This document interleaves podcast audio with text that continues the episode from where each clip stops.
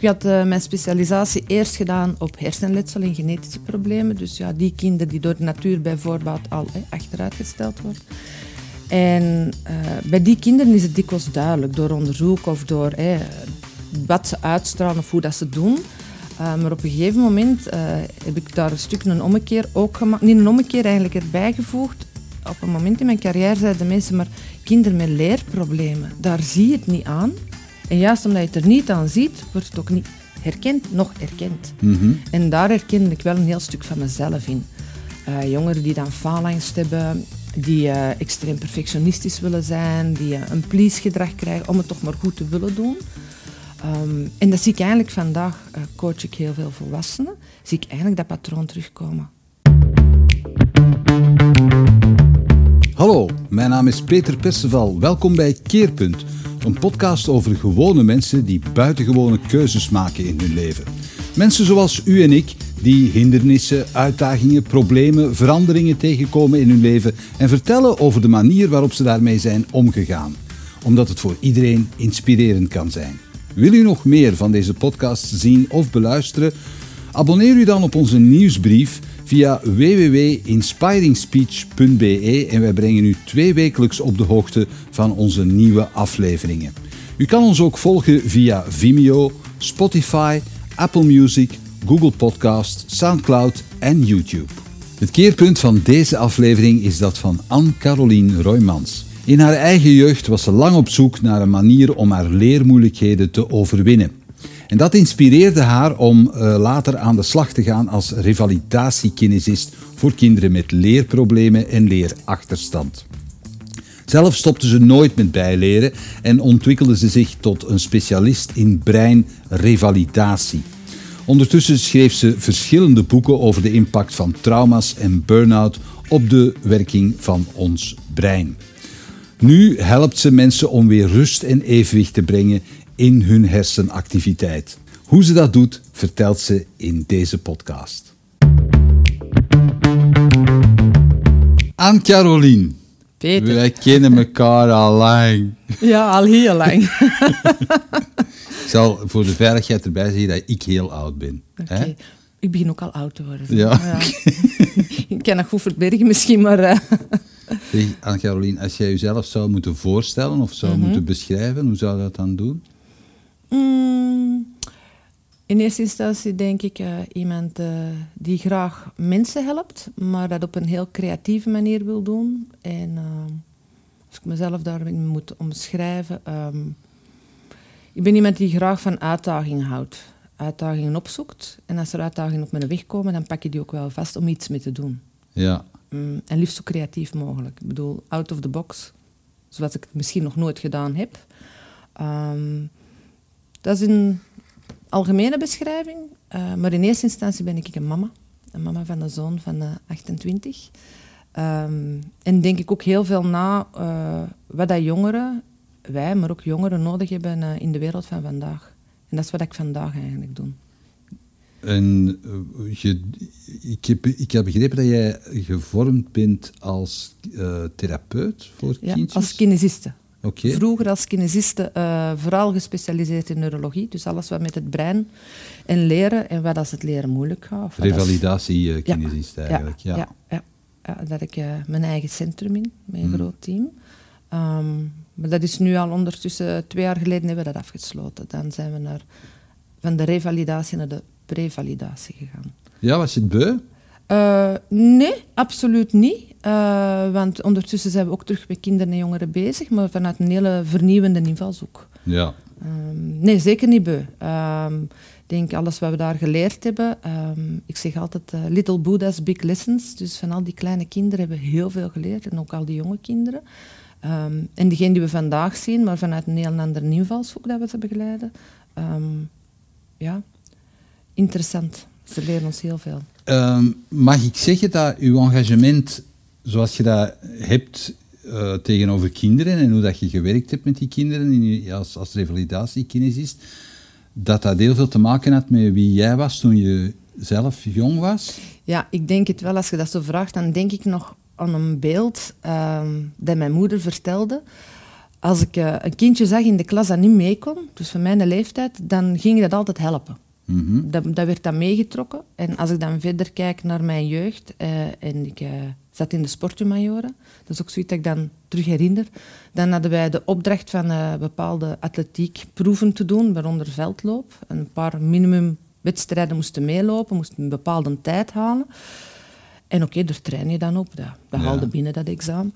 Ehm, maar ik kon het toch altijd Nee, ik kon het niet laten om te kijken wie dat er niet over die lijn ging geraken alleen. En die gewoon letterlijk aan uw handen meetrekken. En ik liep meestal met twee, drie, vier mensen aan mijn hand samen over de finish. Was dat ook omdat je zelf de ervaring had gehad van een beetje eh, uit, uit de groep te vallen? Mm, Ik denk het wel. Lagere school was ik een beetje enfant terrible. Eh, Hoe, hoezo? eh, degene waar dat de mama tranen voor laat omdat het rapport niet zo goed is. Dus ja, de dingen deed die eigenlijk niet zo academisch eh, positief beoordeeld worden. Wat, wat is dat? Eh, out of the box denk ik altijd een creatief antwoord dat de leerkracht niet wil horen. Hè. Dat niet per definitie slecht is, maar eh, niet hetgeen dat je strak moest antwoorden. Hè. En, Maar je zat ook niet stil dan? nee, ik was denk een combinatie van van alles en nog wat. Vandaag noemen ze ADHD, ASS, hoogsensitief. Ik denk, gooi dat in één pot, maalt die goed rond. That's me. Oké.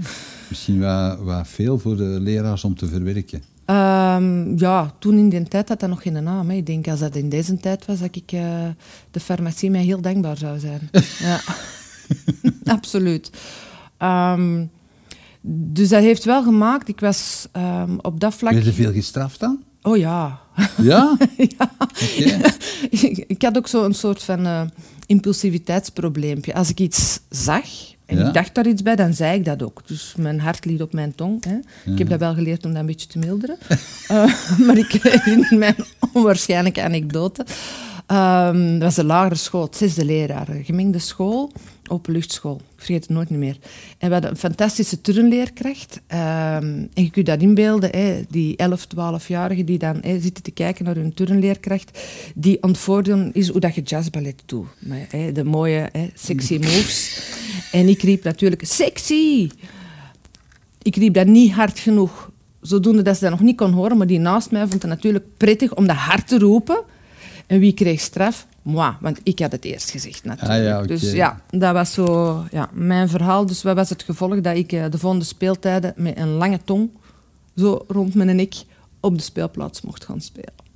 Ja, dat is zo bent toch jonger dan ik? Eh, ik ben 55. Ja, we zijn dezelfde leeftijd. Ja, Sorry. daarom dat ik zei dus straks, ik doe mee met leeftijd. Ja, oké, sorry. Ja. Ah ja, nee, ik dacht dat ik jij veel jonger Ik was. ben van 65, dank je voor het compliment. Vroeger mocht ik de cinema niet binnen, dus dat is nu het voordeel. Nu Ik geloofde niet dat ik echt tien was. Dus. Dus in de niet. Dat is ook niet zo. kan ik niet meer binnen. Maar eh, ja, in mijn jeugd, ga, weet je, ik was op een manier toch wel een teleurstelling voor leerkrachten en ook, eh, ik denk voor mijn ouders, eh, qua academisch presteren. Ik, eh, ik was meer de domoor en de flapaat. En, eh, en een creatief brein werd toen zeker niet zo eh, warm onthaald. Maar toch zijn ze gaan verder studeren. Toch hadden ze zoiets van, ik ga iets doen. Het gevolg is dat ik nooit meer ben gestopt met studeren. Ik Ja. haatte de school toen. Ehm, dat is omgekeerd als ik in de majora zat en sportmajora mocht gaan doen. Dan kwam een energie weg natuurlijk, want ik Ja. moest dan fysiek ook veel doen. Waar heb je dat gedaan? Sportwetenschappen. En waar? In de Bruintjeschool in Deurne. De vroegere landbouwschool, die Ja, had toen... Aan het eh, Rivierenhof. ja, ja, in het Rivierenhof. En eh, nu bestaat dat niet meer, maar toen was het het VSO, het vernieuwd secundair onderwijs. En ik paste niet in het ASO, ik paste niet in het TSO. Dan gewoon maar nog het vernieuwd. Hè. Ja. Dus dat was de eerste keer dat ze dat gaven. eh, en dat was eigenlijk een heel fijne richting. Eh, en vandaar ben ik hier dan verder gesprongen, inderdaad. eh kinesietherapie. Kreeg je daar dan ook aanmoediging voor? Dat ze zeiden van, kom, eh, er zit wel iets in. Ga, doe, doe daar iets mee. Of heb je dat zelf gekozen? De sportwetenschappen bedoelde. Nee, de, daarna om verder te gaan, als, om, om kinesist te worden Dat heb ik zelf gekozen. Dat was een heel bewuste keuze die ik al jaren in mijn hoofd had. Van, Ja? Ik wil mensen helpen. En dat was ook zeer duidelijk, ik wou kinderen helpen op dit moment. En kinesietherapie vond ik eigenlijk een goede manier om dat te doen. Hoe oud was je dat, toen je dat besliste? Goh, dat was ik nog heel jong toen. Dat ik in die richting dacht. 14, 15? Ja, was ik al heel zeker van, dat ga ik doen. Werd mij ook afgeraden, ik was daar niet intelligent genoeg voor. Dus, maar ja, dan moet je niet tegen mij zeggen dat dat niet kan, want dan, dat is ook een van mijn kenmerken. Dan, Ja, ik vraag het omdat ik eh, voilà, ik, ik, Ja. ik kom wel eens mensen, kinderen met leerachterstand tegen, en- of die, die op de een of andere manier eh, uitdagingen hebben om te leren. Mhm. En eh daar wordt heel snel tegen gezegd van, doe dat maar niet. Ja. Dat is niet voor u. Je Voilà. gaat u... Absoluut. Dus dat wordt nog veel jou. gezegd, hè. Wordt nog veel gezegd, hè. Tegen kinderen. We worden nog in vakjes geduwd, hè. Jij krijgt, of jij kreeg tenminste, dat soort kinderen binnen. Mhm. Ja, eigenlijk, ik had eh, mijn specialisatie eerst gedaan op hersenletsel en genetische problemen. Dus ja, die kinderen die door de natuur bijvoorbeeld al hè, achteruitgesteld worden. En eh, bij die kinderen is het dikwijls duidelijk, door onderzoek of door wat ze uitstralen of hoe dat ze doen. Eh, maar op een gegeven moment heb ik daar een stuk een ommekeer ook gemaakt. Niet een ommekeer eigenlijk erbij gevoegd. Op een moment in mijn carrière zeiden mensen, maar kinderen met leerproblemen, daar zie je het niet aan. En juist omdat je het er niet aan ziet, wordt het ook niet herkend, nog erkend. Mhm. En daar herkende ik wel een heel stuk van mezelf in. Eh, jongeren die dan faalangst hebben, die eh, extreem perfectionistisch willen zijn, die eh, een please-gedrag krijgen om het toch maar goed te willen doen. Ehm, en dat zie ik eigenlijk vandaag, coach ik heel veel volwassenen, zie ik eigenlijk dat patroon terugkomen. En ja, daar begrijp ik mijn eigen patronen ook beter door.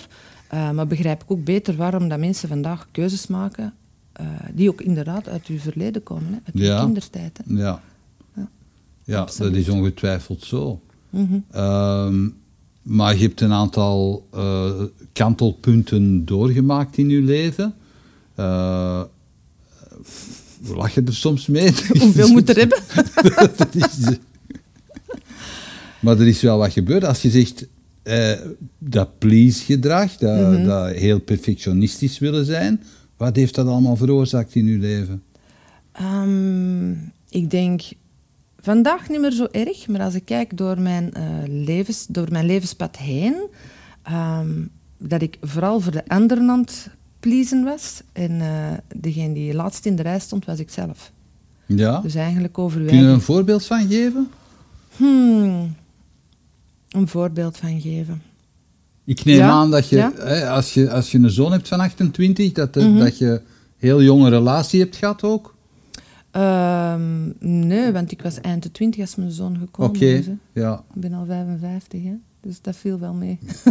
je vergeet het weer. nee, ik was niet jong, ik was geen pubermama. Het is omdat ik u zie, dat je altijd denkt, dat is jong, dat is jong, dat kan niet. Nee, nee. Ehm, goh, ik heb eh, best veel eh, uitdagingen in mijn leven gehad. Eh dikwijls ook door bepaalde keuzes die gemaakt. Ehm, maar als ik naar één ding kijk dat ik nu heel erg anders doe, maar wat ik bij heel veel mensen wel herken, is eh beroepshalve ver over uw grenzen gaan. Geen nee kunnen zeggen. Iedereen maar binnennemen, blijven werken. Dat kan er ook nog wel bij. Dat zullen we ook nog wel doen. Ehm, en, ja, en dan ook nog voor het gezin zorgen. En nog dit en nog dat. En op het einde van de rit, ja, wie blijft er over? Hè? Maar als je in de zorg werkt, Mhm. hè, dan is dat natuurlijk een, een zeer grote valkuil. Hè.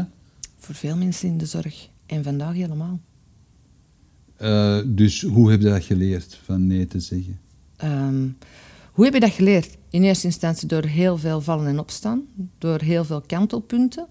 Maar waar voor mij eigenlijk eh, een heel belangrijk moment van inzicht is gekomen, is. eh, ik heb geen carrière switch gemaakt, maar ik heb eigenlijk een, een parallele weg gaan volgen vanuit de neurowetenschappen. En eigenlijk gaan kijken van gedrag, hoe kan je dat verklaren vanuit het brein? Want ik was enorm geïnteresseerd in het brein, wat als het fout liep. Maar op een gegeven moment had ik zoiets van, oké, maar wat als het fout loopt in het brein, maar als het nu goed loopt in het brein, loopt het soms ook fout. En hoe komt dan dat dat fout loopt? Ja? Hoe komt dan dat je beslissingen neemt, dat je achteraf denkt, dat was niet zo slim, of na een aantal jaren blijkt dat toch helemaal eh, verkeerd te lopen of anders te lopen? En hoe komt dat dan? Ehm, heel veel met patronen in ons brein Oké. die we hebben aangeleerd gekregen of die we genetisch hebben doorgekregen. Ehm, en vandaag bekijken we dat nog veel ruimer, eh, hoe, eh, hoe dat jij voor je brein zorgt. Hoe fit is je brein? Want een brein dat niet meer goed fit is, neemt ook geen goede beslissingen. Oké, dat moeten we nu even, even uitleggen. Want dus Mhm. je zegt patronen in je brein. Hoe moet ik, dat, hoe, hoe moet ik mij dat voor Hmm. de geest halen?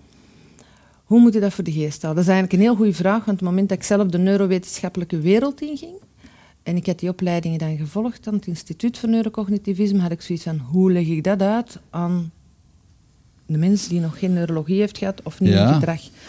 Ehm, het Hier brein... hem, dat, ja, Ah, voilà.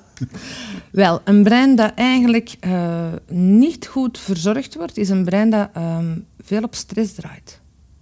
Dus een brein dat altijd actief moet zijn, een brein dat eh, continu zit na te denken, een brein dat continu over zijn eigen grenzen gaat. Dat je nu weet wat dat, dat brein aan het doen is, dan gaat het eigenlijk vooral in je automatisme, de achterkant van je brein. En wanneer maakt jij wel goede beslissingen? Letterlijk als je in de voorkant van je brein zit. En de voorkant van je brein die helpt u eh, om moeilijke, complexe, onvoorspelbare, dubbelzinnige situaties eigenlijk te gaan bekijken, te analyseren, zonder dat daar een angst op zit. Zonder dat daar een waardeoordeel op zit. Zonder dat daar een ja-maar op zit. Dus die interne criticus.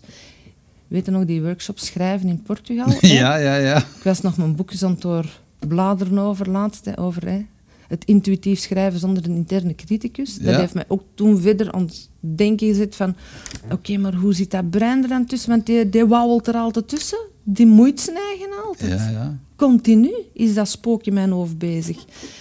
En daar ben ik eigenlijk verder op gaan, gaan kijken. Ook van, wat heb je dan nodig dat je daar geen last meer van hebt? Of dat je zelf kunt zeggen, wanneer dat je die wilt adviseren, die interne criticus, die je hebt meegekregen uit je opvoeding, thuis, school, maatschappij, misschien een stuk genetisch. En wanneer plopt die helemaal op? Wanneer floreert die en zit hij in een brein dat hij zijn tingeltjes, zijn worteltjes goed kan uitzetten?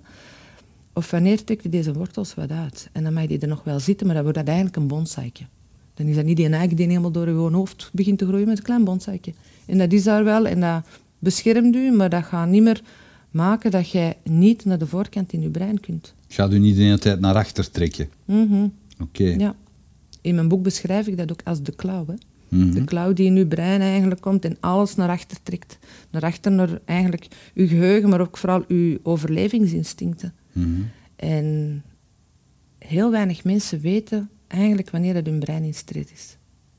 Want wij denken stress, oh, ik heb zenuwen, ik ben gestrest, ik ben bang. Hartkloppingen, dat soort. Dat zijn al de gevolgen daarvan. Ehm, maar eigenlijk kun je dat heel goed op voorhand inschalen wanneer dat je brein in stress gaat gaan. Ja, wij hoe- hebben die interne barometers, hebben wij. Ja, hoe, hoe zie je het of hoe voel je het? Ehm, terug connecteren met je eigen lichaam.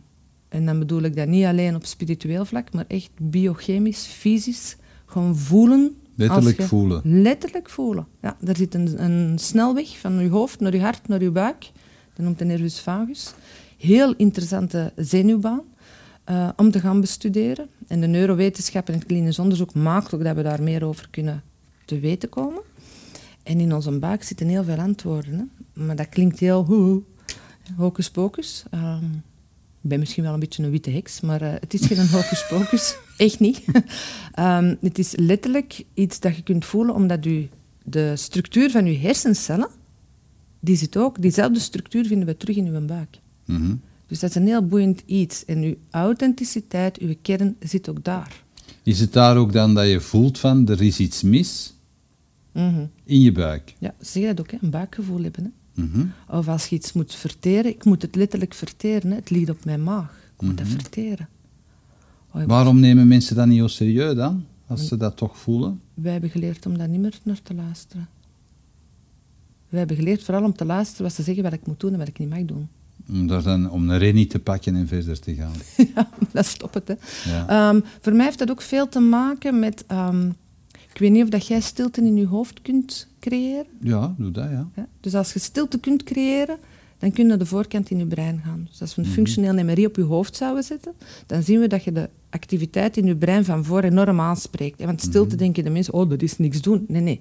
Dat is een behoorlijke activiteit in je brein, maar die vooral prefrontaal gestuurd is. Op het moment dat je daar bent, dan pas kun je afzakken naar onder. En wij noemen dat bij de meeste mensen een dubbele amputatie. Zowel bij de voorkant van hun brein zijn ze niet in contact, als dus ook niet naar de onderkant, naar hun buik. En Rick Schneider bijvoorbeeld is iemand die daar eh, heel mooie dingen over geschreven heeft eh, in de Intuïtieve eh, University. En die dat ook heel klinisch onderbouwt, die daar ook op hoger management mensen in traint om de goede beslissingen ook business-wise te nemen. Door te mediteren. Onder andere, maar ook door een vraag te stellen aan uzelf en bijvoorbeeld niet direct het antwoord. Niet in het ratio direct te gaan zoeken naar het antwoord, met alle kritische stemmen erdoor en alle waardeoordelen erdoor, maar het gewoon daar te laten zijn en te laten bezinken. Mhm. Of die vraag eens op te schrijven en weg te leggen.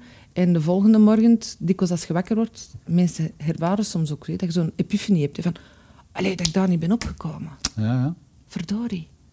Ja, en zo zijn er wel dingen die... Bepaalde levensvragen vandaag bijvoorbeeld, die, die stel ik mij, maar ik wil niet direct een antwoord hebben.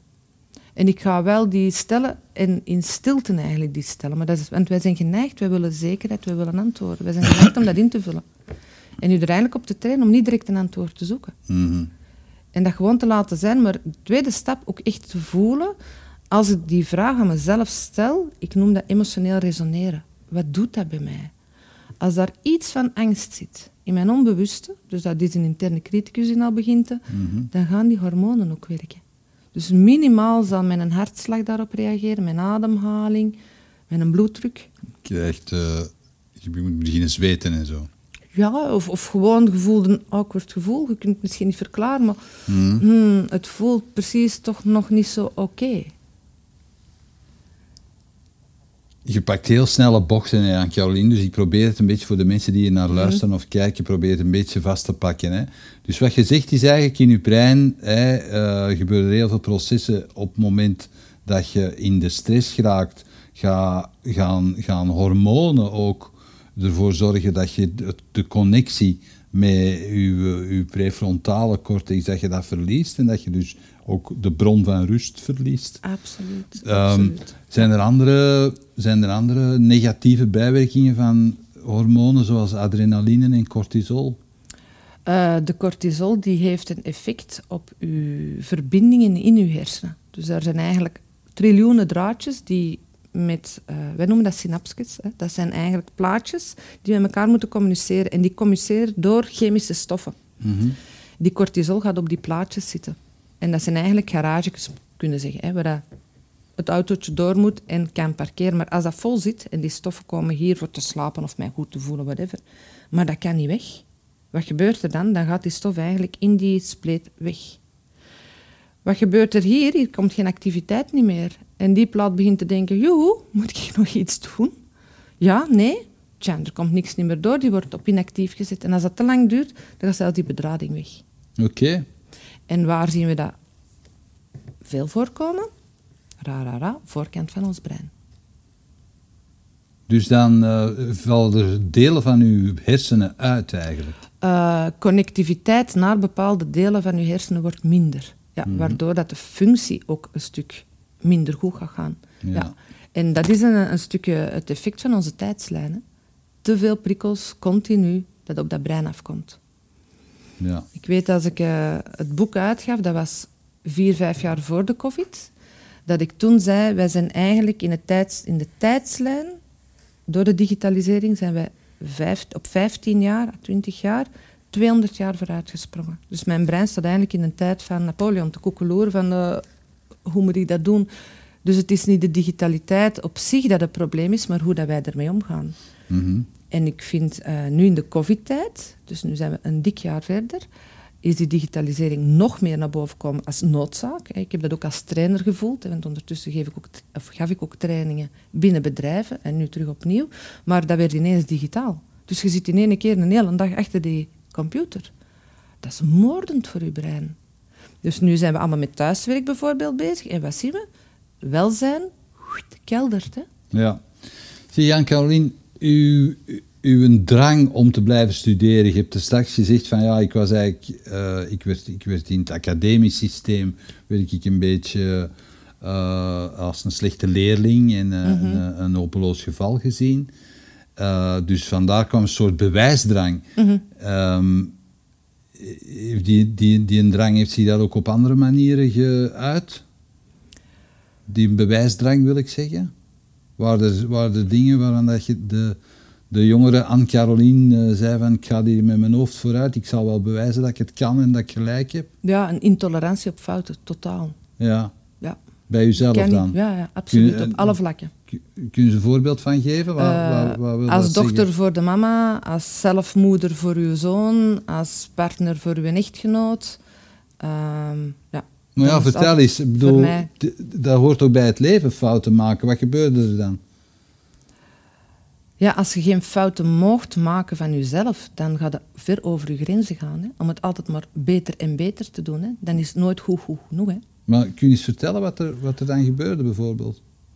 Wat gebeurt er dan? Ehm, eigenlijk teleurstelling, want de grootste eh, fout die je kunt maken is geen fouten willen maken. Want je maakt continu fouten. Ja, ja, Je bent akkoord. continu teleurgesteld. Hè? Hoe, wat is de, hoe zit zo'n anekdote in elkaar dan? Hoe zit zo'n gebeurtenis in elkaar? Ik vraag het gewoon omdat Mhm. soms mensen als ze zo'n dingen horen, herkennen ze ineens iets Mhm. uit hun eigen verhaal. Ze zien van, oei, maar dat doe ik eigenlijk ook. Ah ja, ja oké. Ehm, wat, ik, en wat eigenlijk nog een, een vraag is die heel dikwijls zelfs bij mij aan mijn bureau binnenkomt bij volwassenen. De balans tussen uw werk en uw privé. Ja, Als ik heel perfectionistisch en heel goed wil werken en alles wil geven in mijn werk, ja, dan is dat ten koste van mijn privé. Ten koste van mijn relatie of van mijn gezin. Maar als ik alles wil geven daar, dan is dat ten koste van mijn werk. En hoe kan ik de keuze nu maken wat ik nu wil doen? Ik wil ook carrière maken, maar ik wil ook een goede partner en, en moeder zijn, Mhm. bijvoorbeeld. Dat lijkt een dualiteit, het is of het een of het ander. En als je dat vanuit een perfectionistische visie bekijkt, ja, dan is het het een of het ander. Het kan niet anders. Want ga jij goed presteren op het ene vlak, dan zul jij ja, teleurstelling horen aan de andere kant. En dat scheurt mensen gewoon in twee. Waardoor dat jij over je grenzen gaat om die alle twee maar te blijven dragen.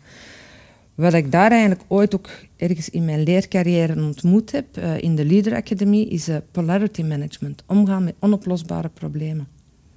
En daar kun je eigenlijk heel mooi eh, in kaart brengen. Hè. Als ik perfectionistisch ben, mag ik geen fouten maken, wil ik alles juist doen. Dus het is 100% juist gaan en 0% tolerantie op fouten. En hoe leer je inderdaad, terwijl wij, worden zo opgevoed, hè? als uw punten niet goed genoeg zijn, hoor jij niet bij de groep. Dan gooien ze u wel uit. Als jij Hmm. bepaalde scholen een 6 en 7 hebt, moet wel voorzichtig zijn. Laat staan dat je met een 5 en een 6 afkomt. had jij broer of zussen? Ik had een broer en een zus. Of ik heb die nog, hè. Ja, ik heb die gelukkig nog. Ja, ik was de oudste. En jij was de oudste, dus je werd overladen met alle verwachtingen van uw ouders. Ik was het oudste kleinkind in heel de familie en ik was het oudste kind in het gezin. En mijn zus is zes jaar jonger en mijn broer is twaalf jaar jonger. Dus ja, daar lagen... En ik denk ook eh, iets wat je ziet, ook, of wat ik bij veel ouders heb gezien, eh, verwachtingen die je zelf niet hebt kunnen inlossen bij je ouders, dat je die gaat projecteren op je kinderen. En ik denk dat dat een stuk ook bij mij gebeurt. is. Mijn ouders wouden mij alle kansen gunnen om alle studies te doen die, hè, die ze achten goed te zijn. Maar ja, ik was niet zo die academische dame die daar interesse in had. Eh, Wat, wat, wat was de achtergrond van uw ouders dan? Wat- Mijn mama die wou eh, vroeger graag verder studeren, maar mocht niet. Moest dan naad en snit gaan doen, zoals alle goede huisvrouwen hè, betaamden om dat te doen. En zij zijn daarna wel in de haute couture gegaan, hè, dan de bruidskleren en zo gaan naaien. Dus toch nog net iets anders gaan doen. Uh, maar had eigenlijk nooit mogen studeren. En zij wou heel graag naar de kunstacademie gaan toen. Dat was een no-go voor een vrouw toen. Um, zij heeft die droom wel nagejaagd daarna, in haar volwassen leven. Ja, heeft ze dat gerealiseerd? Ja, ja, zij was de eerste vrouw die in uh, nascholing, in avondschool, uh, als restauratrice is afgestudeerd. Ja, van het restaureren van schilderijen. Amai, Ja. dat is uh, een moeilijk vak. Ja, absoluut. En ik heb nog eventjes... Is ze professioneel gaan doen? Of? Ja, ja, ja, ja, ja, ja. Ze heeft daar haar beroep van gemaakt. En ik heb op het punt, het moment dat ik kine ging studeren, heb ik nog eventjes getwijfeld of dat ik in de creatieve kunstwereld ging verder gaan of uh, ja, meer de klinische hè, revalidatiewereld. Ja. En, en uw papa, wat heet hij? Mijn papa was vertegenwoordiger. Die had uh, niet kunnen studeren. Mijn papa heeft uh, een beetje een Oliver Twist verhaal gehad. Was wees opgevoed door een tante. En die tante heeft hen, hem en zijn broertjes dan in een weeshuis geplaatst. Ja, in Ipenburg in Schoten. Heeft daar een hele gruwelijke jeugd meegemaakt. Dat is allemaal maar achteraf uitgekomen. Als hij dementeerde. En die heeft eigenlijk uh, avondschool gaan doen om heel veel talen te leren. Om zo zich als vertegenwoordiger uh, toch een plek in onze maatschappij te kunnen geven. Je, je papa dementeerde. Ja. Er kwam een soort, toen kwam er een onverwerkt verleden naar boven. Ja, die is op zijn 50 beginnen dementeren. Zo, dat is heel jong. Ja, dan waren, achteraf bleek toen de eerste kenmerken die we toen niet zagen als... Hè, en toen Hmm. wisten we daar ook nog niet zoveel van eh, wetenschappelijk. Maar ja, en ondertussen, ja, meer dan 25 jaar verder, is hij nog aan het dementeren. Die leeft nog nu. Die leeft nog, ja. En die is, die is eh, als je daar met, met uw kennis nu naar kijkt, wat, wat, wat denkt je daar dan van, van de manier waarop zijn brein reageert? Mm, mijn papa heeft heel veel banen aan de voorkant van zijn brein kwijtgespeeld onderweg. Heel veel. Door? Door Eh, wat? Ik vrees ook overmatig drankgebruik, dat dat op een gegeven moment eh, toch wel sterk Ja. eh, zijn leven beheerste. Ehm, door ook een heleboel frustraties dat hij in zijn leven ook ja, niet heeft kunnen verwerken. En ik denk in dat opzicht dat er ook een stukje een projectie naar ons was van hoe studeren en je waarmaken in de maatschappij. Maar ja, dat is zo'n klassiek verhaal. Hè. Mhm. Je hoeft niet voor in een weeshuis gezeten te hebben. Dat zijn patronen die we veel zien. Nee, maar het feit ouders, dat je natuurlijk, als je, als je echt geen, geen steunende ouders hebt of zorgende. Mhm. eh, structuur hebt in je leven, een, een fundamentele structuur in je leven, kan er wel voor zorgen dat je echt eh, permanent onveilig voelt. Absoluut, ja. Ja, zijn moeder was gestorven in het kraambed. Dus, en hij was... eh, Van hem of van een nee, van zijn van zijn jongste broer. Dus Oké. er waren ook drie kinderen, hij was de oudste. Amai. Dus ja, in die tijd was dat Maar met, met wat je net zei, van, hè, we nemen patronen mee, Mhm. en daar liggen ook wel wat patronen die jij hebt meegepakt. Wel- welke dingen heb jij er meegepakt, buiten je, je, je prestatiedrang dan? Mm, ja, die, die bewijsdrang, hè, dat je iets waard bent. Hè, dat, je, dat je iets kunt waar dat anderen van beweren dat je het niet kunt.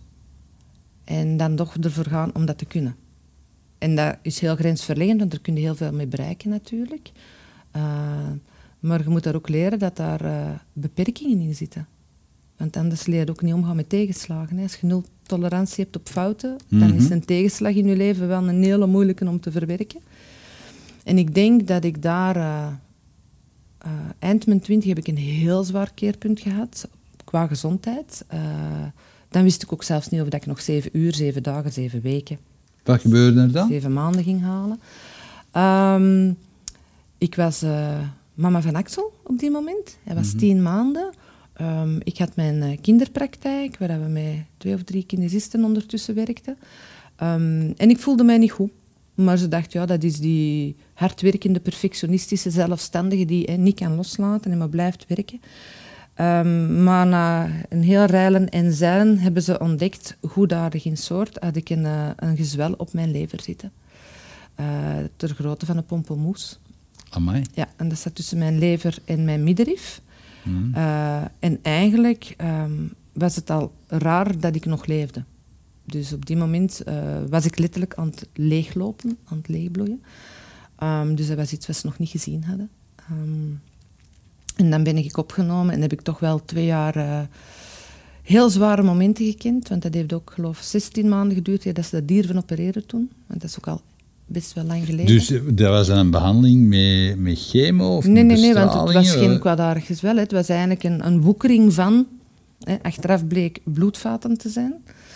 Waarschijnlijk, als we er net aankwamen, want eigenlijk is het wel heel frappant dat die fietser, hè, dat ongeluk dat Ja, er juist ja, gebeurde, ja. dat je zei, die is op zijn stuurstang gegaan. Ja? Eh, ik weet als ik de kliniek binnenging toen, dat ze zei, maar heb je een zwaar ongeval gehad? Onlangs. Nee. Ja, maar dat kan niet anders, want met wat je daar hebt zitten, dat zijn allemaal bloedvaten waarschijnlijk. En er, er is van alles een fout gebeuren. Eh, nee, maar ik had wel, denk ik, kleine tien jaar ervoor een zware val met paard gedaan. Op mijn rug gevallen, over het paard gevlogen, door de piste van de manege gegaan. En ik heb toen wel een paar dagen met pijn om mijn buik gelopen. Hè. Maar ja, dat natuurlijk thuis niet verteld en voortgedaan. En waarschijnlijk heb ik toen een leverscheur gehad. Oké. Ja, dat normaal ja, niet stabiliseert. Dat is normaal redelijk eh, levensbedreigend. Daar ben ik dan leuk een paar jaar mee blijven rondlopen. Heb ik mijn eerste zwangerschap mee doorlopen, die ook al veel pijn gaf. Daar, maar toen zagen ze niks. Ehm, en ik was waarschijnlijk zwanger van een tweede kind. En onder invloed van die hormonen zijn- is dat beginnen woekeren.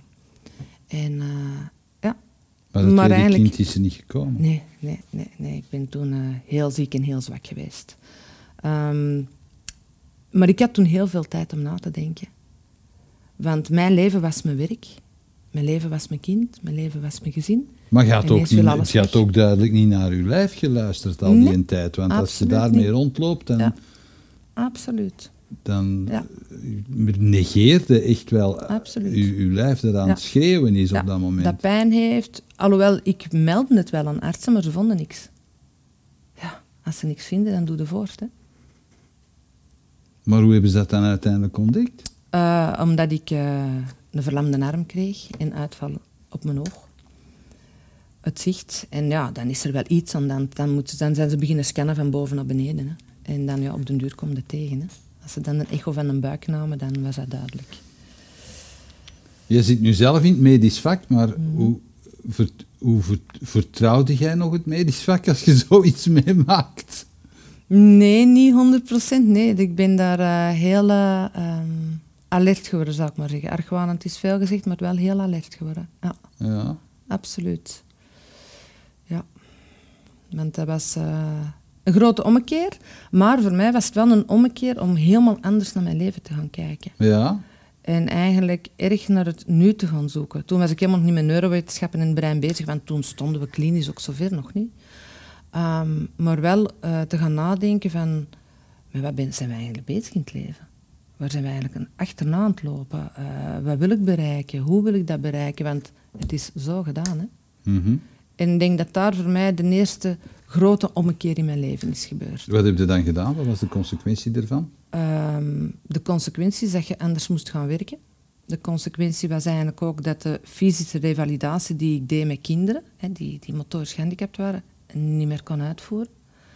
Eh, want dat heeft die ingreep, ik heb een heel zware operatie gehad, heeft ook consequenties gehad, eh, tot op vandaag. En daar heb ik eigenlijk mijn job opnieuw moeten gaan heruitvinden. En daar ben ik al een stukje gaan zoeken in eigenlijk heel de cognitieve wereld. Dan ben ik Mhm.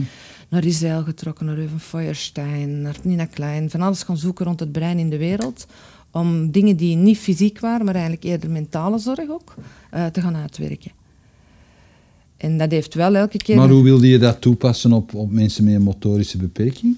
Eh, dat zijn mensen die ook denken, hè? Ja, dat zijn mensen die ook voelen. oké. En eigenlijk eh, ook die kinderen van een veel holistischere, vanuit een veel holistischere manier te gaan bekijken. En ook niet gaan bekijken vanuit een beperking slash een diagnose, maar te gaan kijken vanuit mogelijkheden.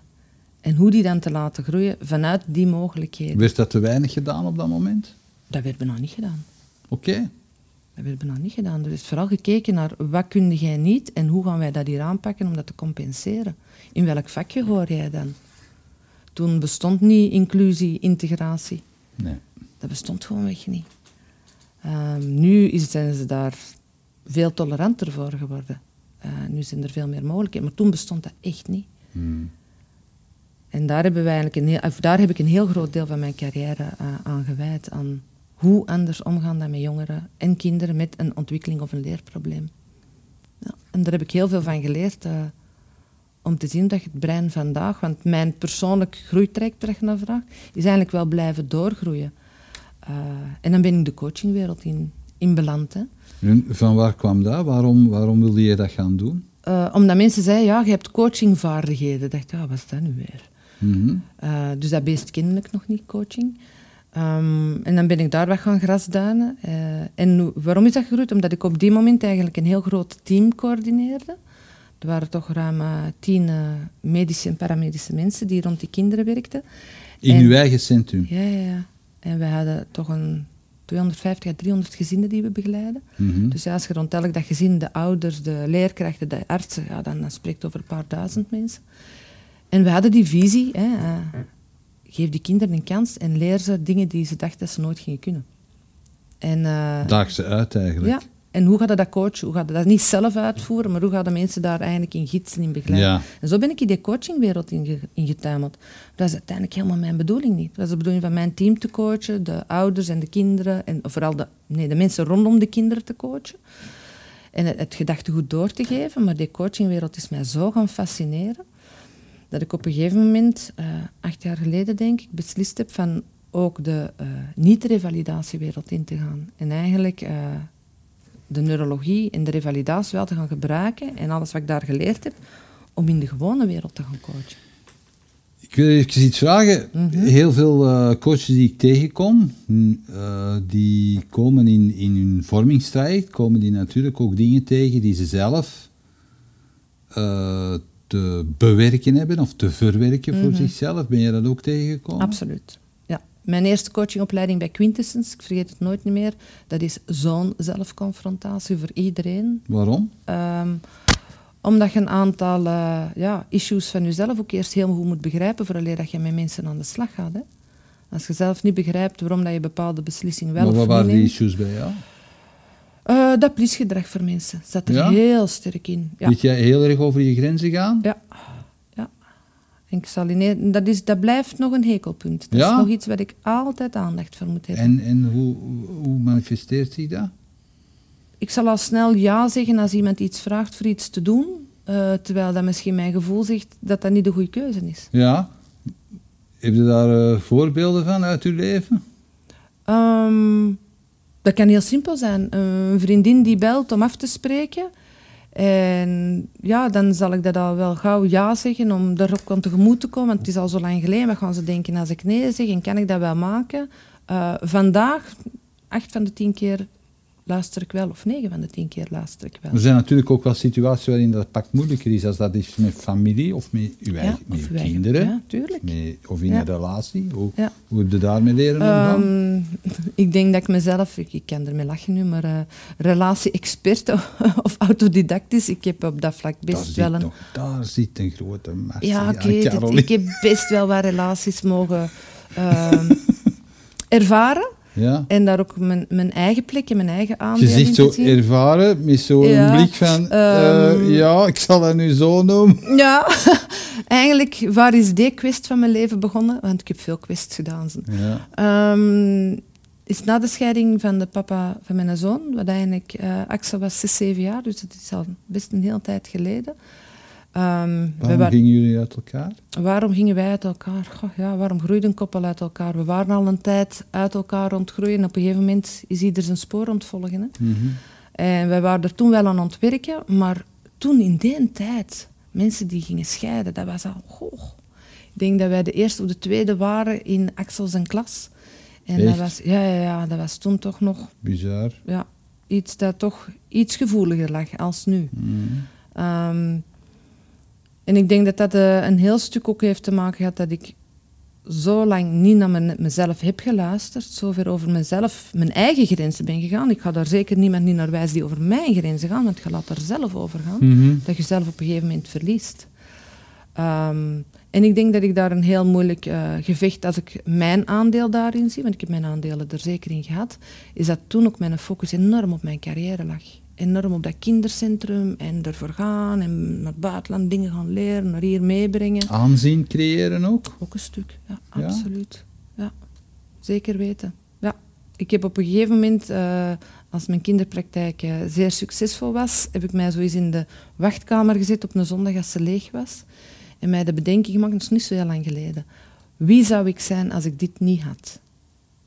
Want ja, als je op een gegeven moment tienduizenden kinderen hebt zien passeren, in je omgeving heb je een naam. Hè, Ze kennen u, want iedereen heeft wel met iemand ergens eens bij u geweest voor een vraag. En dat vond Was- je prettig. Natuurlijk. Mhm. Dat is een bestaansrecht. Hè? Mhm. En eh, dat heeft toch eh, het laatste stukje voor mezelf van wie ben ik en, en waar sta ik eigenlijk voor in deze leven. Zonder dat ik die goedkeuring moet hebben van andere mensen. Zijn je dat daarna nog tegengekomen in relaties? Ja, dat je echt eh, Ja. een beetje een, een, een dweil werd voor erkenning, zal ik zeggen. Ja, en waar ik toch wel zelf elke keer opnieuw het initiatief nam om de relatie te stoppen, als ik voelde dat ik mijn plek daar niet genoeg in kon krijgen. Ja, kon je dat? Ja, heb ik gedaan. Heb ik verschillende keren gedaan zelfs. En elke keer is een enorme leerschool voor mezelf geweest om, om wel te zien hoe kom ik dichter bij mezelf. Om eigenlijk ehm, met een huidige partner, ik ben al drie jaar samen, crossed fingers. crossed fingers. Ehm, en ik noem het vandaag een gebonden vrije relatie. Of een vrij gebonden relatie. En wat, wat moeten we Dus daaronder verstaan? Vroeger was ik helemaal gebonden in mijn relatie, bij wijze van spreken, want dan zou ik er alles voor doen. Ja. En dan kwam ik eigenlijk verscheurd uit, want ik wou ook alles voor die carrière doen. En je kunt niet alles voor beide doen. Ja. En nu probeer ik daar nog gewoon een blind tussen te vinden. Tussen toch die vrijheid te hebben om een stukje je eigen leven te hebben, je eigen carrière, maar ook genoeg binding om, om samen van alles op te zetten. En dat is, een, dat is eigenlijk iets wat ik in de Polarity Management heb geleerd, in de Leader Academy. Hoe ga je om met een dualiteit? Met iets dat lijkt tegenover elkaar te staan. En maakt dat complementair. Dus hoe ga je nu met iemand zo binden dat je nooit meer van weg wilt, maar dat je tegelijk zoveel vrijheid houdt, zowel in die relatie als in je persoonlijkheid. En dat vind ik uh, een grote uitdaging. Hoe verbinden veilig in zo'n in zo'n uh, situatie of in, in zo'n evenwichtsoefening? Uh, dat is eigenlijk onvoorwaardelijk vertrouwen hebben. Hè? Mm -hmm. Maar dan moet ook onvoorwaardelijk kunnen vertrouwen in jezelf hè? en op jezelf. En hoe doe je dat? Hè? Ja, vertel Hoe doe je dat? Ik denk dat ik daar heel veel heb teruggevonden uh, in de hartcoherentie en de inbraining. Eigenlijk hoe dat het hoofdbrein, nadat ik die specialisatie heb gaan doen, heb ik ook nog gaan, gaan kijken van er is toch nog meer te vinden om die authenticiteit, wat wil ik en, en hoe voelt dat voor mij? Ik heb heel veel geleerd ook in de schrijfopleidingen bij jullie. Uh, waar dat die interne blokkade zit als je schrijft. Vind ik super boeiend. Uh, geef ik trouwens soms nog mee aan mijn coaches om te doen. En het is frappant om dan te zien hoe dat een mens blokkeert in zijn doen. Gewoon het schrijven nog maar. Dat Oh, dan niet is loopt. leuk om te horen. Ja. Absoluut. Ja. En dat is iets wat ik nog doe. Hè. Ja. Ik neem een woord en ik begin daar gewoon intuïtief rond te schrijven. En als ik voel dat dat niet vlot gaat, dan weet ik dat dat hier alweer in dat onbewuste weer iets gaande is. Ja. Um, en hoe doe ik het vandaag? Ik, ik, neem de tijd om naar mezelf te luisteren. Maar in eerste instantie zorg dat ik mijn brein in een goede conditie heb. Want ik heb ook ontdekt, als jij continu bezig bent in die ratrace van het leven, en we zijn continu al die balkjes om omhoog houden, dan doet dat brein niet meer helemaal mee. ja, zeg eens, eh, wat doe je dan om, om je brein in conditie te houden? Um, ik noem dat de prefrontale hygiëne. Ja. Ik vergelijk dat altijd met je tanden poetsen. Mm -hmm. uh, je gaat ook niet 30 jaar je tanden niet poetsen, om dan uh, vrijdags naar een tandarts te bellen en zeggen ik heb zaterdag een feestje en ik wil mooie witte tanden. Fix dat eens even voor mij. Dat gaat niet. Ik mensen die dat wel doen. Ja, als je naar een heel duur kliniek gaat, kun je op 24 uur natuurlijk met een schoon gebied buiten komen.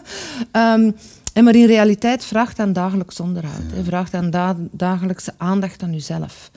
Um, en eigenlijk als ik nu zie hoe dat ik één, mijn eigen leven aanpak, maar ook wat dat ik mensen, in, volwassenen en kinderen vandaag leer, zowel individueel als binnen organisaties, is die juiste breinzorg. En wat is dat? Dat is af en toe dat brein stil krijgen, een paar keer op een dag. Echt een paar keer op een dag? Ja. En, en hoe doe je dat? Je, je, gaat zitten, je mediteert, wat doe je? Dat kan zitten en mediteren zijn, maar dat kan ook zijn dat jij gewoon uh, na een uh, zware meeting even uh, aan een open raam gaat staan en mindful vijf minuten aan het raam gaat staan. Mm -hmm.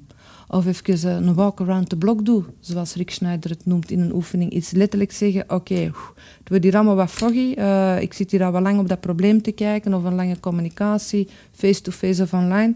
En ik voel dat het hier niet meer echt helder is. Ja, dan wil dat eigenlijk zeggen dat je niet meer naar de voorkant van je brein geraakt. Mm -hmm. Punt. Want daar moet ook zitten voor nieuwe dingen te verwerken. Je geeft jezelf gewoon een stop, letterlijk. Je leert uh, tussenin voelen, waar zit ik? Letterlijk een stop. Je vertraagt je activiteit. En dat is iets wat we eigenlijk de neiging hebben om nu niet te doen. We gaan nog sneller, want ik moet meer doen, ik krijg het niet gedaan en we gaan nog rapper. Nee, vertraag even, sta recht, beweeg en gebruik je ademhaling. Uw ademhaling is uw barometer. Mhm. Mm -hmm. Als jij niet rustig uw ademhaling kunt omkeren naar, wij noemen dat een coherente ademhaling, dat wil zeggen dat uw hartslag rustiger gaat, dat wil ook zeggen dat je naar de voorkant van je brein komt, dan weet je dat je brein geen goede state of mind heeft. Zo simpel is het. Wij leren dat aan kinderen van 7, 8 jaar vandaag. Mm -hmm. Want die hebben het ook al. Hè. Chronische stress. hyperventilatie. Ja, ja, Ze ervaren het niet als stress, maar uh, ze vinden gewoon geen rust niet meer. Niks. Ze zijn continu bezig. Continu. Dus dat dagdagelijks, en dat hoefde je niet te doen in te mediteren, dat kan ook zijn, kijk, wat, wat ik bijvoorbeeld doe, is um, gezond eten, is ook een hele belangrijke. Ja, ik wou het net vragen. Gezonde voeding, is dat ook Absoluut, een factor? Ja. ja. Want je kunt jij zorgen voor een breinstilte, maar uh, een gezonde voeding, bewegen, slapen, dat zijn allemaal factoren die meetellen. Hè? En als we die niet doen, uh, dan gaan we heel veel mensen zien die uh, straks allemaal beginnen uit te vallen. En, en hoe kun je eens uitleggen hoe dat, dat zit met die gezonde voeding? Wat is de, wat is, wat is de factor, wat zorgt er, hoe, hoe brengt dat je brein in evenwicht? Uh, er zijn bepaalde stoffen die niet zo breinvriendelijk zijn. Hè? Want daar straks zei je ook van, ja, er zit een, hè, je hebt je nervus vagus, dat mm -hmm. echt uh, door je lijf loopt en dat geweldig, veel, dat geweldig uh, belangrijk is. Heeft daar ook mee te maken? Um, uw darmen sowieso, daar zit 80% van uw immuniteit. Dus daar wordt heel veel stoffen gemaakt die maken dat je uh, een immuniteit hebt, dus een weerstand hebt tegen bepaalde ziektes. Dat kan COVID zijn, maar dat kan ook kanker zijn. Hè. Er zijn mm. verschillende vormen waar wij ziek van kunnen worden. En dat zit gewoon in kern daar. Dat wordt gestuurd ook door uw zenuwstelsel. En wat ik nu zeg is geen rocket science, maar is ook niet klinisch onderbouwd. Het is gewoon mijn boerinnenverstand die een aantal dingen aan het connecteren is. Dat ik zeg, oké, hoe als je door ademhaling weet of dat ik van achter in mijn brein zit of van voor. Mhm. Van voor kan ik raken door een bepaalde ademhaling die coherent is. Heel simpel gezegd, meer uitademen dan in. Ja. Meer tijd nemen voor uit dan in. En ik krijg daardoor minder chronische cortisol.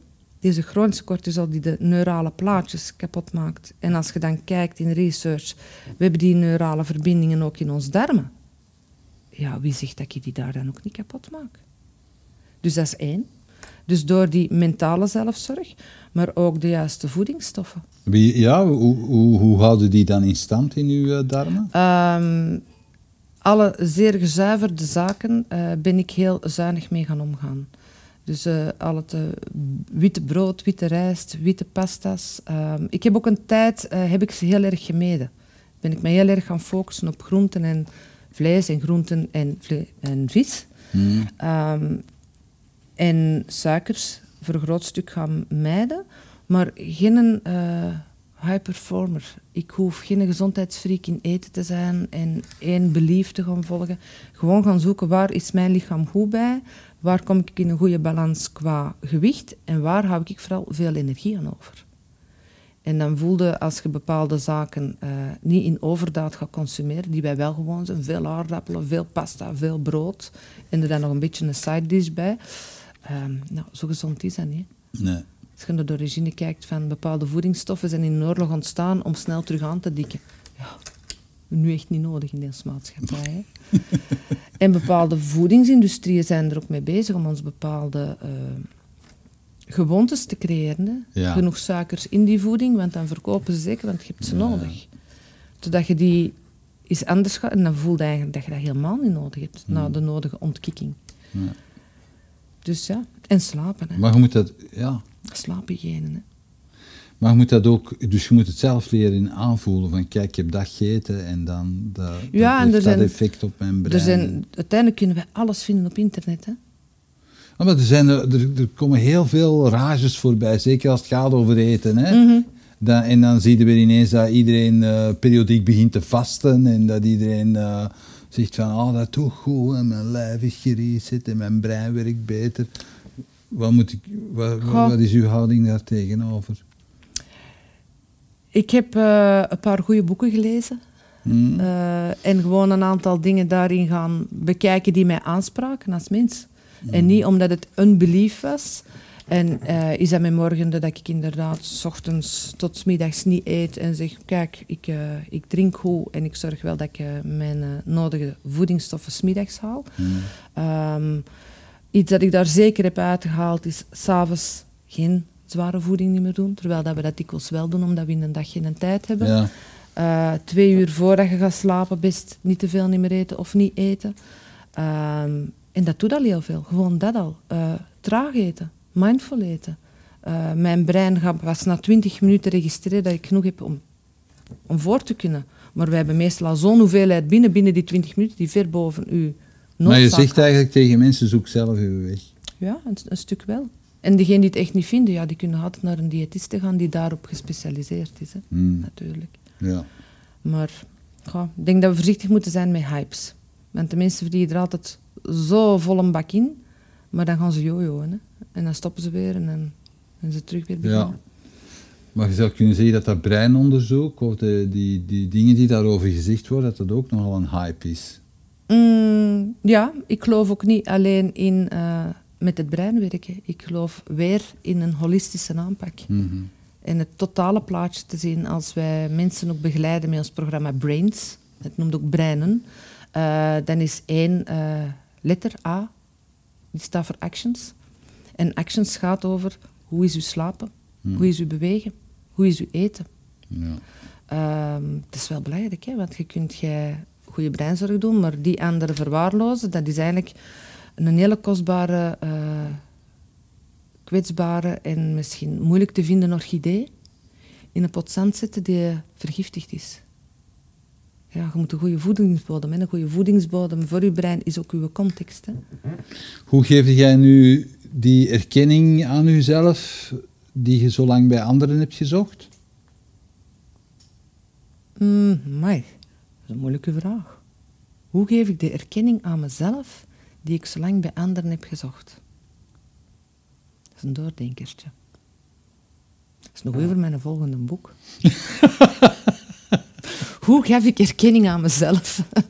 ja, omdat je zei, ik ging zo hè, in, de, in Um, die wachtkamer zitten en ik, uh, ik vroeg me af, wat zou ik zijn zonder dit? Ja, uh, dat doet mij denken aan die schrijfoefening die we gedaan hebben. He, dat je jezelf als grootmoeder, als granny ja. uh, ziet. Dus he, vooruitkijkt in de toekomst en eigenlijk wilt zien hoe zou ik graag willen terugblikken op mijn leven. Ja. Um, wel, dat heeft mij toch wel voor een heel stuk geholpen. Uh, om even voor mezelf uit te gaan maken. Ik ben natuurlijk ook al geen jong bleukje meer. De groene bladjes zijn eraf, dus je hebt al wel wat expertise in het leven om te weten wat wilde en wat wilde nu eigenlijk niet. Um, maar om te gaan kijken, elke keer als er dingen in mijn leven gebeurden waardoor dat je een andere turnover moet maken, te gaan kijken, wat heb ik nu? Wat wil ik daarvan houden? En wat wil ik eigenlijk nog graag hebben, zonder dat daar een oordeel op zit. Hè, Ja. Bijvoorbeeld, een van de dingen die ik nog heel graag wou doen, is zeker ook terug gaan schilderen, uh, is uh, minder werken, um, is een bepaalde uh, onafhankelijkheid houden als Mhm. persoon en als vrouw. En dat zijn wel bepaalde zaken die ik ben gaan meenemen, zonder dat het oordeel van een ander daar elementair doorslaggevend hoeft te zijn. Waarom zeg ik het zo? Um, Iemand anders zijn mening vind ik best heel belangrijk. Ja. En die mag belangrijk blijven. Uh, want feedback van iemand kun je ook veel van leren. Maar daartegenover wil ik altijd ook die balans van mezelf houden. Van wat vind ik nu zelf? En als ik zelf iets beslis en iemand anders vindt dat teleurstellend, dat ik daar vooral mee leer omgaan. En dat is mijn barometer. Als ik iemand teleurstel omdat ik toch een beslissing maak voor het een of het ander, en dat past niet in het plaatje zoals die persoon mij dat zegt dat ik dat moet doen, of dat hij dat wil dat ik dat doe, dat is ook oké. Okay. Heeft dat lang geduurd voordat je dat kon? Oh ja. Hoe lang? Dat is nog altijd bezig. Okay. En ik denk dat dat ook altijd bezig mag blijven. Um, ja, dat, ik vraag het omdat ja. we elkaar wel eens ontmoet hebben. Toen, dat het, toen dat je in een zeer penibele situatie zat. De welke? toen dat jij in uw auto sliep eigenlijk. Ah oh, ja, ja, ja, ja, ik heb inderdaad... Uh, omdat, je, ja. omdat je letterlijk op de vlucht ja, voor iemand. er zijn momenten geweest dat ik inderdaad, zonder daar echt in detail over te willen treden, ja. uh, heel, heel uh, zware periode had. Ja, dat letterlijk van de ene plek naar de andere eventjes veiligheid zoeken was. Ik moest er ineens aan denken, omdat dat natuurlijk een extreem voorbeeld was van iemand die heel ver over uw grens gaat, omdat jij heel erg hongert naar die erkenning mm -hmm. Ja, en dat hij eigenlijk die, uh, want gevraagd naar U-turns in uw leven, hè, ja. omkeringen. Dat is ook een heel belangrijk kantelpunt voor mezelf geweest, van hoe kun je zelf zo ver geraken? Zo ver. Um, wat mij toch uh, geholpen heeft ook om over uh, relaties en, en, gedragingen te gaan nadenken. Um, en bijvoorbeeld ook te kijken daar waar dat mensen over hun grenzen laten gaan, door wat gebeurt dat? Door welke patronen gebeurt dat? En in bedrijven zien we dat ook. Hè. Zeer dominante mensen die over onderdanigere mensen overgaan. En dat zit blijkbaar zoiets, dat is zo'n machtsstrijd die wij in het mensendom, het dierenrijk in het mensendom, doen. Um, terwijl dat mensen die niet zo dominant zijn, dus niet zo assertief zijn om die stem te nemen, en ik kan misschien wel een goede babbel hebben, maar ik ben niet zo assertief om mijn stem te nemen als we Ja. in een groep zitten. Um, om dan uw mening niet te laten formuleren. En waar heb ik dat geleerd? heb ik geleerd op het Instituut voor Neurocognitivisme. Er is een bepaald deel in ons brein. Hè. We hebben het instinctgedrag. En dan hebben we net zoals de dieren, hebben we het gregere gebied. En het gregere gebied zit eigenlijk vrij dicht bij het instinctgedrag. Het instinct is ik en overleven. En dat hier rond zit, dat is eigenlijk wij en overleven. Hmm. En dat ontwikkelt zich in de puberteit. Ja, en dat wil zeggen, daar ga je je plek in de groep zoeken. Wie ben ik? En daar zie je eigenlijk uh, de handjes de voorste, de leiders hè, en de volgers meer. Hmm. En ik kan best leiding nemen, maar komt er iemand dominanter in mijn buurt, dan zal ik achteruit gaan. Ja. En wat is een typisch kenmerk voor onderdanigere mensen? En dat is geen zwakte, dat is een, een sterkte als je ze juist leert gebruiken. Die gaan zeer eerst twijfelen aan zichzelf. Die gaan over de grens laten gaan, want eigenlijk in het dierenrijk is dat ook. Als je naar een roedel wolven kijkt, dan zal hè, de leidende wolf is een dominant, prominent aanwezig dier. Mm. Als je naar de bedrijven kijkt, is dat ook. De mm. mensen in leidinggevende functies zijn prominent aanwezige mensen. Ja. Lijfelijk of qua karakter, of uh, lijfelijk bedoel ik fysiek, ja. of qua uh, stem, maar ze zijn wel aanwezig. Ze kunnen over grenzen gaan. En door mij daar eigenlijk in te gaan verdiepen, van hoe zit die, die, die hiërarchie in dieren, maar ook bij mensen, ja. en hoe gaan wij er als mens fout in? En wanneer gaan wij fout? En dat vond ik een hele boeiende. Het derde systeem dat rond uw brein zit, dat is uw geheugen. Mhm.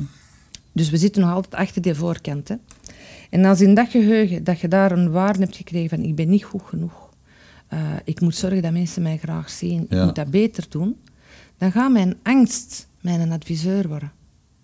En dan gaat mijn onderdanige, ik, eigenlijk meer gevoed worden door die angst. En dan ga ik meer zelftwijfel hebben. Want dan komt het eigenlijk meer naar boven. De dominantere gaat er nog meer over gaan, onder stress. En de onderdanigere gaan meer eigenlijk in onderdanigheid komen. Dus dat is een hele boeiende. Want daar ben ik me eigenlijk helemaal gaan in specialiseren. Van wat voor effect heeft dat dan op communicatie? In een relatie? Want communiceren is eigenlijk een dialoog. Die is twee, logos is kennis. Ja, ja. Maar als stress overneemt in een relatie, dan gaat de meest dominante sturen. Want die gaan makkelijker over grenzen, die zijn daarvoor geprogrammeerd. Want die moeten een groep kunnen leiden, die moeten het gevaar aan kunnen. Ja. Vandaar dat die, die programmatie bestaat. De, de moment dat ik dat begreep, van... Ah, oké, dus ik ga een gezonde zelftwijfel hebben, maar als die door angst gevoed wordt, wordt die erger en dan gaat hij mij parten spelen. Dan moet ik eigenlijk zorgen dat ik niet direct reageer. Ik ga nu zelden direct een antwoord geven. Ik ga mijn tijd nemen. Ik koop mijn tijd. Ik vraag ook tijd. Ik ga daar nu niet op antwoorden. Ik wil hier rustig over nadenken. Want in eerste instantie zal ik mijn stem niet nemen als onderdanigere. En dat is een super interessant gegeven geworden in opvoeding van kinderen. Dan kun je inbeelden dat je een puber thuis hebt die in de hiërarchie dominanter is dan de moeder of de vader. Ja, ja, ja. En bij puberteit het ook nog even uh, het afhaken van de voorkant. Dat geeft boeiende gesprekken. Ja. Je kunt ook inbeelden als dat gebeurt in een bedrijf. Ja. Waar gaat dan het collectieve, intelligente stukje naartoe? Van een bedrijf. Mhm. Als mensen hun mond beginnen te houden. Ja. Als stress overneemt. Dus ja, daar heb ik heel veel van geleerd. Oké. Absoluut. En ik denk dat mijn huidige partner wel zal zeggen, hm, die neem ik betaal de prijs. Want die weet goed wat ze wilt en wat ze niet wilt vandaag. Voilà, maar hij weet ook waarom dat bij u is nu. Hè? Absoluut. En dat is een, een super toffe relatie. Uh, met twee grote tegenpolen. Die heel complementair zijn, maar waar dat ieder het stuk respecteert van ja, het anders zijn. Ja. Jan-Carolien, als je nu zelf terug zou tegenkomen, hè, als je jezelf als 14, 15, 16-jarige terug zou tegenkomen, met alles wat je nu weet, wat zou dat dan zeggen? Komt helemaal goed. alles komt goed. Um, ik zou vooral zeggen, uh, laat u niet tegenhouden als er iets niet lukt. Mm um, als je de levenswandel van uh, bepaalde succesvolle mensen bekijkt, dan is dat niet omdat die een aaneensluiting van geluk hebben gekregen. Die hebben een aaneensluiting gekregen van uh, goed omgaan met moeilijke situaties. En uh, te kijken in kansen. En dat, zijn zo, dat is voor de scheurkalender. dat soort dingen. Maar hoe doe je dat dan? Uh, en eigenlijk zijn alle kantelingen in je leven zijn voor mij een stepstone naar de volgende fase. Is niet een afsluiten van een mislukte periode. Misschien in de eerste fase heb je dat gevoel wel, maar dan al snel eigenlijk kan zien van hoe neem ik dat mee om verder te groeien. Okay. Um, je zou mijn leven kunnen zien uh, als een heleboel of een hele aansluit, aaneensluiting van een heleboel zaken die maar blijven mislukken en opnieuw mislukken. De COVID was daar ook een prachtige voor. Hè? Ja, Vlak ja. voor de COVID had ik een waanzinnige waterschade in mijn burelen. Een maand later, dus ik was alles kwijt wat daar lag. Dat is nu uh, gelukkig geen ruwbouw niet meer. Ik ga daar nu wonen. Dus ik heb dat als opportuniteit genomen. Ja. Je zegt, oké, als het dan toch zo is, dan ga ik hier wonen. En dan ga ik in plaats van acht kantoren er nog twee overhouden. En voor de rest ga ik wonen. En we gaan downsizen. Maar dat had ik nog niet beslist of de COVID viel binnen. Dus er vielen ook al mijn projecten met de business weg. En dat was nog niet achter de kiezen en de COVID sloeg bij mij toe en ik kreeg Guillain-Barré. Dus ik had dan een heleboel verlammingsverschijnselen. En dan heb ik weer kunnen nadenken. Hè. Ja. Want dan staat de wereld even on hold. Hè. En eigenlijk, ja, dat heeft voor mij gebracht dat ik vandaag de uh, aaneensluiting van ontlukkingen, ontdekken in mislukkingen, tot een mooi package heb gemaakt. En je zegt van, uh, oké, daar sta ik in het leven en dat ga ik ermee doen. Oké, goed. Prachtig. Ik zou zeggen, uh, schrijf nog veel boeken daarover. Ik zal eens komen aankloppen dan. Ja. Bedankt voor het komen. Graag gedaan. En uh, tot weder horen. Hè. Ik wil jou vooral bedanken, want uh, jullie hebben toch wel gemaakt dat ik ook heel veel inzichten heb kunnen verfijnen en kunnen vervolmaken en nog altijd mee bezig ben altijd blijvend leren, madame, zal blijven. Graag gedaan. Bedankt dat je keek naar deze aflevering van Keerpunt. Wil je op de hoogte blijven van nieuwe afleveringen en nieuwe interessante gasten? Abonneer je dan op onze nieuwsbrief via www.inspiringspeech.be. Iedere twee weken brengen wij een nieuwe aflevering online op inspiringspeech.be, YouTube, Vimeo en Soundcloud. Tot ziens.